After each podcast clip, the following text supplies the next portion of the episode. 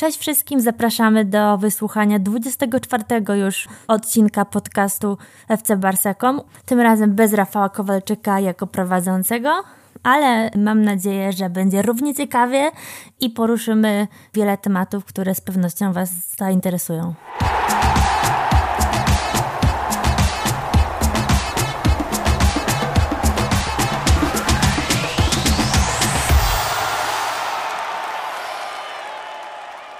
Tym razem oczywiście mm, głównym tematem będzie dla nas El Clasico, który już za rogiem.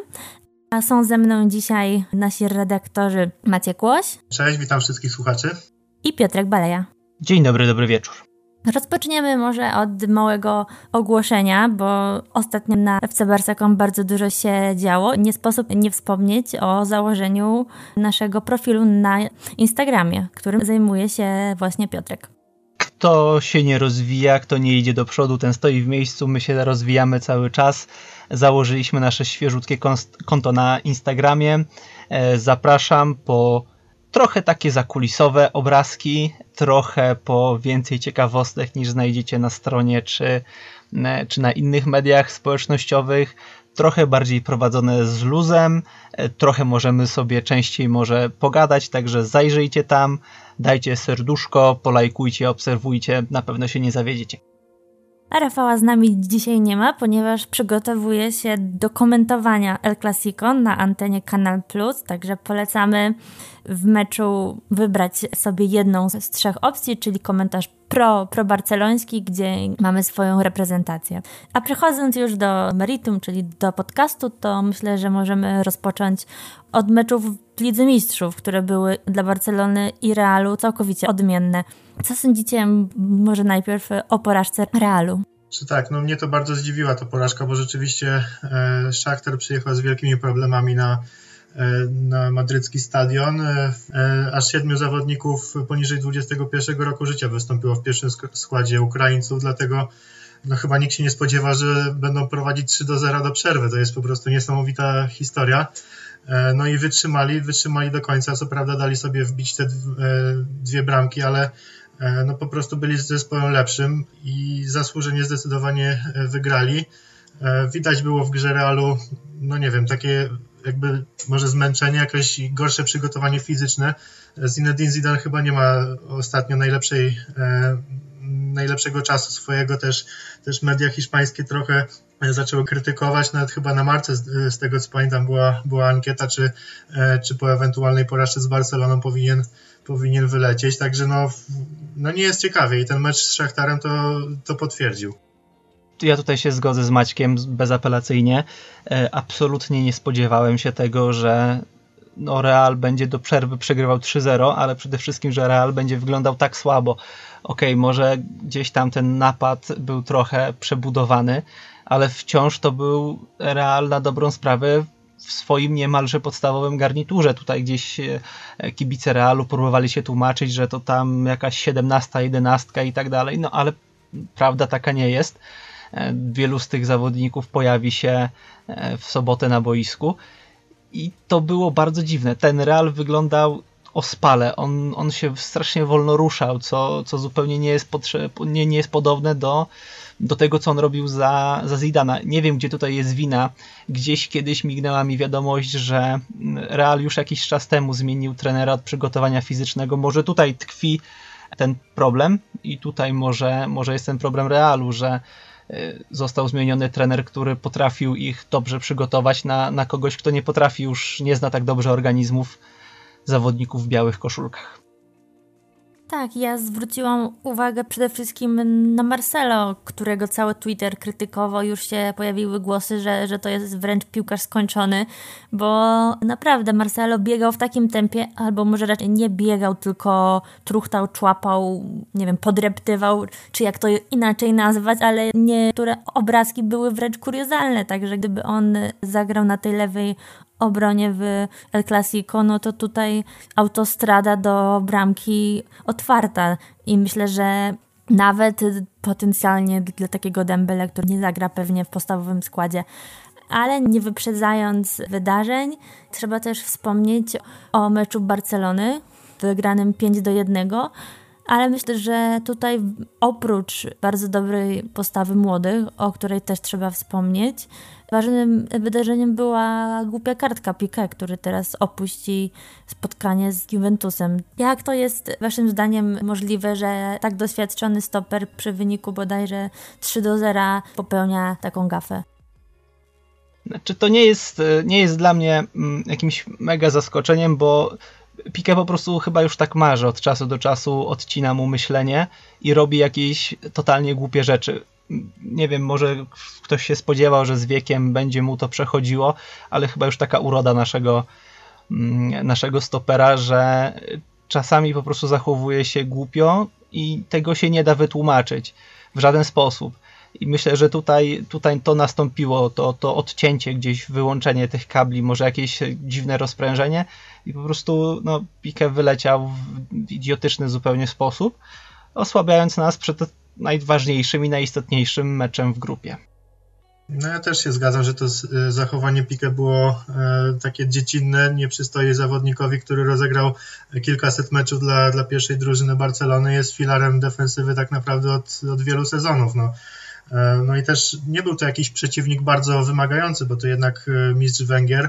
Co prawda przyjechał do Barcelony z takim agresywnym, e, takim nastawieniem powiedzmy bardzo ambitnym, bo chyba każdy wie, że jak, jak jakiś zespół wielki jest, jest w kłopotach, czy to, czy to sportowych, czy powiedzmy jakichś instytucjonalnych, to, to trzeba wykorzystać swoją szansę. No i te pierwsze minuty też pokazały, że, że Węgrzy chcą, chcą zaskoczyć Barcelonę, no i prawie się to udało, bo e, najpierw nieuznana bramka z, e, ze spalonego, a później chyba też słupek był, także e, no było, było niebezpiecznie. No na szczęście później się ta gra jakoś, gra jakoś ułożyła, ale no takie błędy jak, jak popełnił Pique no w meczu z Realem to będą już niewybaczalne na takim poziomie, dlatego musi to na pewno sobie przemyśleć Gerard i, i oby, e, oby wyciągnął z tego wnioski i zagrał już zdecydowanie lepiej. Tak, z jednej strony wpadka Piqué, ale z drugiej wspaniały występ naszej młodzieży. Oczywiście bramki Pedriego i Ansu, czyli dwójki piłkarzy, którzy wciąż mają po 17 lat. Tutaj ciekawostka, po raz pierwszy w historii Ligi Mistrzów zdarzyło się, żeby w jednym meczu do bramki trafili dwaj zawodnicy, którzy są wciąż e, niepełnoletni. Bardzo dobrze, przynajmniej moim zdaniem, po takim niemrawym początku radził sobie też Trinkau, który wyrasta na dość ciekawą opcję na skrzydle. Także z pewnością powody do optymizmu przed El Clasico są.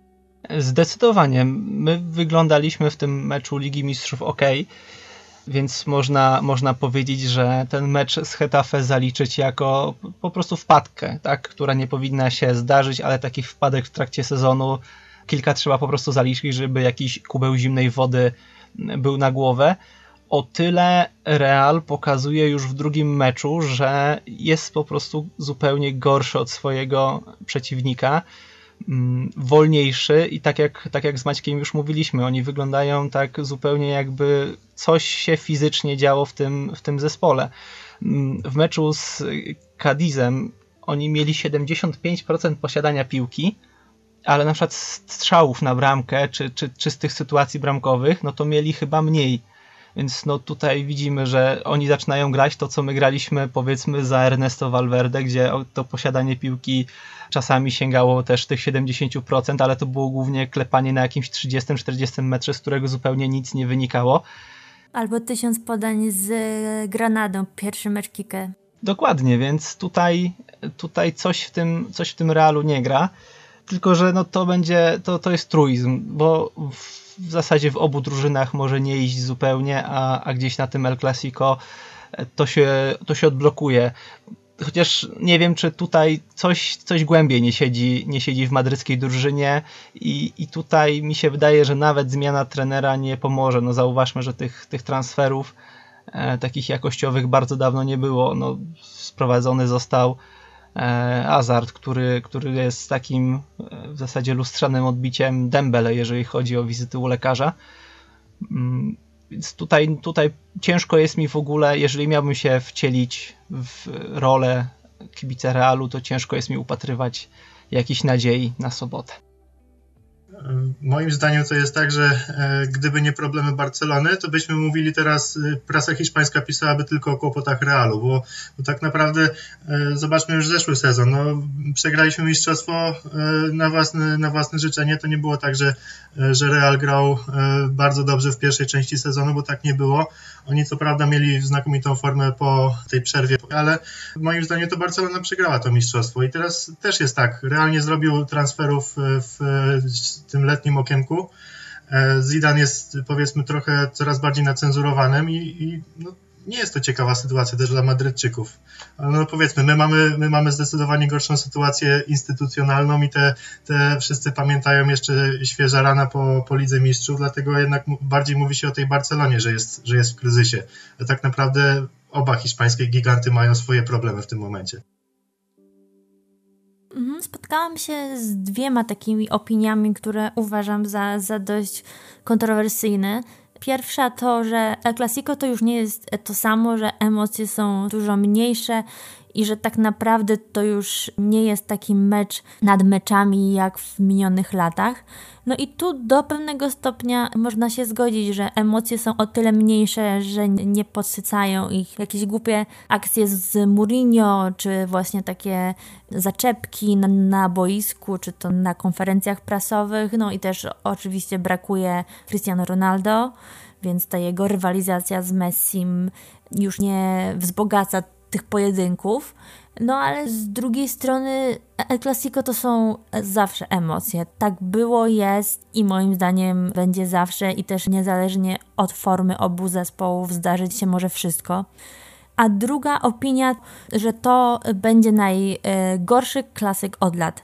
I ja osobiście nie widzę, w jaki sposób on miałby być gorszy przykładowo od tego rok temu, w którym było 0 do 0. Zgodzę się i też, też jakby nie rozumiem tej opinii, dlaczego tutaj ktoś sobie ubzdurał, że to ma być najgorszy klasyk y, od lat. Okej, okay, to są dwa zespoły, no nawet nie w remoncie, tylko w kapitalnym remoncie, y, momentami, gdzie następuje na wielu pozycjach jakaś zmiana pokoleniowa. To są oba zespoły ze sporymi problemami, ale żeby powiedzieć, że to będzie najgorsze El Clasico, absolutnie. Moim zdaniem to będzie właśnie bardzo dobre El Clasico. To będzie, mm, to będzie ofensywny mecz, bo y, powiedzmy sobie szczerze, że w tych kilku ostatnich meczach no Barcelona potknięcie z, z Hetafe, gdzieś, y, gdzieś po drodze remis z Sevillą, y, Real dwie porażki z rzędu. Więc tutaj wydaje mi się, że oba zespoły będą chciały pokazać, że wcale nie jest u nas tak źle. Wygrywamy i to z tak szalenie trudnym rywalem, jakim jest tutaj Real lub, e, lub po drugiej stronie, stronie Barcelona. Więc nie, absolutnie. Moim zdaniem to, to będzie otwarty, fajny mecz, e, gdzie zobaczymy dużo akcji. Na to liczę i, i, gdzieś tak sobie to wszystko, to wszystko wyobrażam, bo tak bym się zachował jako trener jednej lub drugiej ekipy. Ja mogę podzielić tylko część tego zdania e, z tej opinii, ponieważ no, jedynym minusem będzie brak kibiców na Camp Nou i, i to jest chyba jedyne takie E, takie rzeczywiście osłabienie tego meczu, bo no to, jest, to jest po prostu historia hiszpańskiej piłki, to jest najważniejszy mecz, na który czekają kibice, myślę, nie tylko właśnie w Hiszpanii, ale na całym świecie. Także czy nie ma Cristiano Ronaldo, czy nie ma już Pepa Guardioli, Jose Mourinho, no to nie ma znaczenia, bo to po prostu te kluby nadal istnieją i piszą dalej swoją historię, jest zmiana pokoleniowa i pewnie za, za kilka, kilkanaście lat te mecze też będzie się wspominało z, z takim samym właśnie, z taką nostalgią, jak, jak my teraz wspominamy te bardzo emocjonujące klasyki sprzed 10 lat. Także ja czekam z niecierpliwością na, na najbliższy mecz i, i mam nadzieję, że będzie równie emocjonujący jak te wspaniałe właśnie spotkania powiedzmy z 2009 roku. Chciałem tak tylko przypomnieć, że właśnie jak za czasów Mourinho i, i Guardioli, gdzie to nagromadzenie klasyków było takie duże, że ta atmosfera e, była ta, taka ciężka. Ja pamiętam, że z moimi kolegami, którzy byli z Realem, gdzieś tam się strasznie o, o wiele rzeczy kłóciłem, i pamiętam, że nawet media pisały, że ten okres będzie tak źle wspominany właśnie, bo tego jest tak dużo, te mecze dzieją się często, bo to był, e, wtedy było na, na takie nagromadzenie, że to był Puchar Króla, Liga i Liga Mistrzów i wszyscy narzekali, że tak jest tego strasznie dużo, że to już nie ma tej swojej atmosfery święta, że to spowszedniało i tak dalej, a zauważcie, że teraz siedzimy i wspominamy to jako taki najfajniejszy, najwspanialszy okres. Więc tutaj może być podobnie. Ktoś, ktoś sobie rzucił hasło, że to będzie najgorsze El Clasico w historii. To się fajnie mówi, fajnie się klika, e, bo też się z tym spotkałem, a tak naprawdę to, to będzie guzik prawda. Teraz chciałabym się z Wami trochę zabawić w Kumana i potypować skład. Myślę, że w bramce oczywiście Neto, prawa obrona Roberto, a na środku Pique z Lengletem. Gdybyście się nie zgadzali, to krzyczcie. Ale pierwszym takim dylematem, który trzeba rozstrzygnąć, to lewa strona defensywy i Dest, dla którego Byłby to oczywiście debiut w El Clasico i poniekąd rzucenie go na głęboką wodę, lub wracający po kontuzji Alba, który wciąż tak naprawdę nie jest pewny, czy będzie gotowy do gry. Na kogo byście postawili?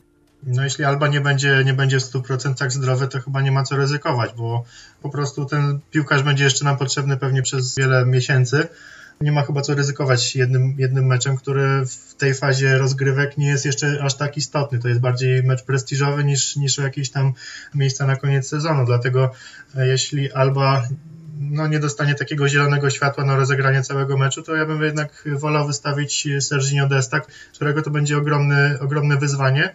Mm, ale jak, jak ma z kolei e, wkupić się w łaski kibiców, jak nie takim meczem? No to jest właśnie dla niego też idealna szansa na pokazanie się tak, w takich bojach rodzą się bohaterowie i Dest może takim bohaterem zostać.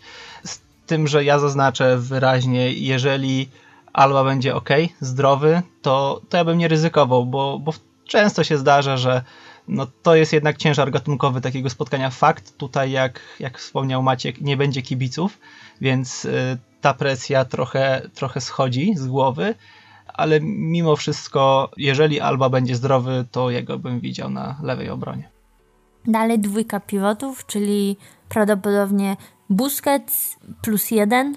I teraz pytanie, czy, czy wolicie De Jonga, czy jednak Pjanic przekonał Was do siebie w ostatnim czasie czymś, czego De Jong, nie ukrywajmy, w ostatnich tygodniach nie miał, ponieważ Franki no, rozgrywał kilka naprawdę słabych spotkań. Ostatnio bywało lepiej, to prawda, szczególnie to bardzo ładne podanie, asysta ze spotkania z Ferencvarosi, ale nie wiadomo, czy on y, już wrócił do tej optymalnej dyspozycji, czy jednak będzie się, się snuł po murawie, tak jak to wyglądało na początku sezonu.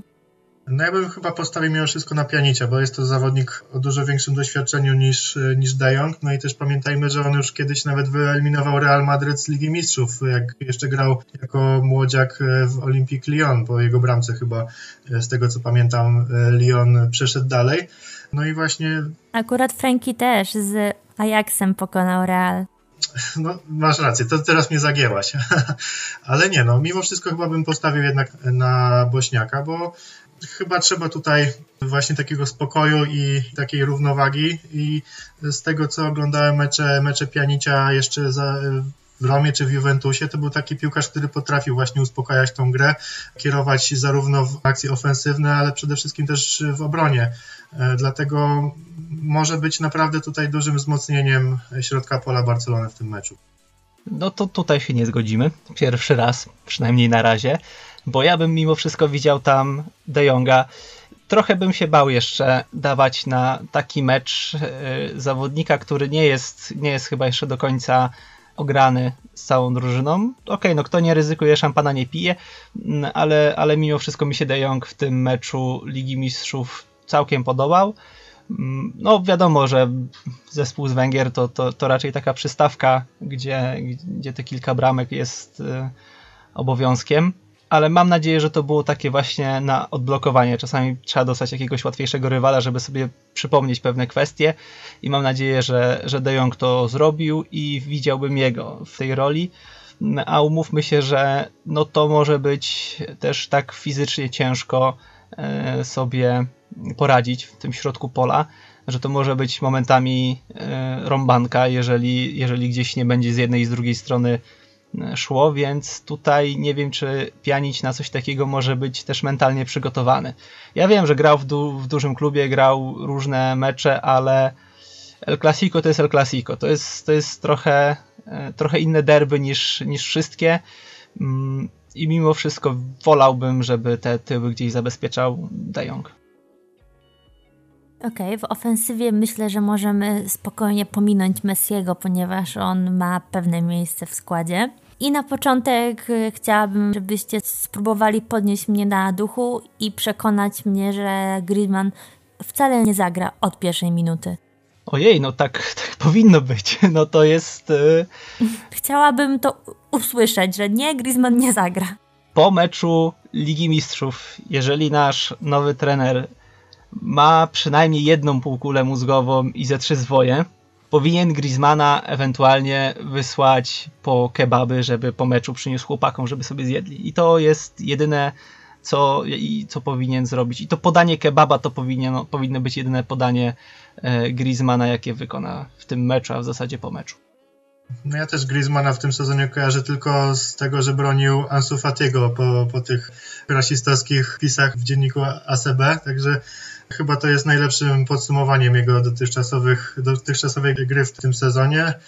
On ma za sobą na pewno to, że, że jednak jest piłkarzem za 100 milionów i jest tym mistrzem świata, ale e, mam nadzieję, że Kuman rzeczywiście też, e, też dostrzeże to, że e, no, Francuz nie jest w swoim najlepszym momencie zdecydowanie i warto może posłuchać kibiców i wystawić kogoś mniej ogranego, chociażby nawet Dembele, albo właśnie kogoś z dwójki Trincao, czy, czy może Ansu Fati na tej stronie, no nie wiem. Fajnie by było, żeby ta prawa strona właśnie dobrze działała, bo tak jak wspominaliście wcześniej o Marcelo, który no, od, od już naprawdę kilku sezonów jest, jest piłkarzem człapiącym i, e, i to chyba najsłabszy punkt defensywy Madrytu. Jeśli on wystąpi, no to, to ta prawa strona po prostu musi funkcjonować u nas dobrze, bo, bo możemy mieć tam dużo korzyści. Dlatego jeśli Marcelo zagra, to chciałbym widzieć tam któregoś z szybkich skrzydłowych, który będzie, będzie tam robił dużo szumu. Tak, złośliwi mówią, że Griezmann musi grać na swojej pozycji. Problem w tym, że okazuje się, że tą pozycją prawdopodobnie jest po prostu ławka rezerwowych. Przechodzimy do, do pozycji media punta. Pytanie brzmi, Coutinho czy Pedri? Ja powiem Wam, mam bardzo duży dylemat, ponieważ gdyby istniała taka opcja, to dałabym grać obu. Ja tutaj widzę Coutinho mimo wszystko facet jest w super gazie. Ja wiem, Pedri, Pedri rozgrywa też ostatnio bardzo, bardzo fajne zawody, ale tak jak mówię, ja jestem człowiekiem, który ceni sobie bezpieczeństwo i, i jakiś taki mm, komfort tego, że ktoś ma już jakieś doświadczenie w czymś, co, mm, co za chwilę będzie robił. Coutinho takich ciężkich meczów rozegrał więcej. Wydaje mi się, że też troszeczkę jednak jest w, w lepszej formie niż, e, niż Pedri takiego Coutinho w ogóle chciałem cały czas oglądać w Barcelonie, odkąd on przyszedł. Ja byłem gdzieś tam z tyłu głowy mimo wszystko przeciwnikiem gdzieś tego transferu. No tak jak widziałem jak on, jak on rozgrywa te zawody w Bayernie, to z meczu na mecz coraz bardziej się przekonywałem, że a może go zostawić, a może jednak wrócić, a może zaryzykować. No, prawda była taka, że y, i tak stracimy, i tak stracimy na sprzedaży tego zawodnika, więc, więc można spróbować, więc cieszę się bardzo, że, Mm, że został i ja widzę jego zdecydowanie tutaj na środku.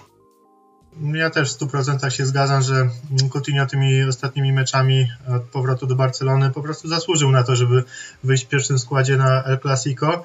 No dostał tak naprawdę drugą szansę w Barcelonie. Pierwsza no, nie wyszła. Wszyscy wiemy, jak się, jak się ta jego gra e, układała pod koniec jego tej pierwszej przygody, ale też e, zgadzam się, Piotrek, że no, to, co pokazywał w Bayernie, to chyba przekonało trochę kibiców i chyba, e, chyba sam Kuman też, też uznał, że, że warto, warto postawić na, na Coutinho jakiego, jako takiego jakby drugiego lidera w rozgrywaniu, oczywiście po Leo Messim. I też chyba ta współpraca między Brazylijczykiem i Argentyńczykiem układa się na razie poprawnie.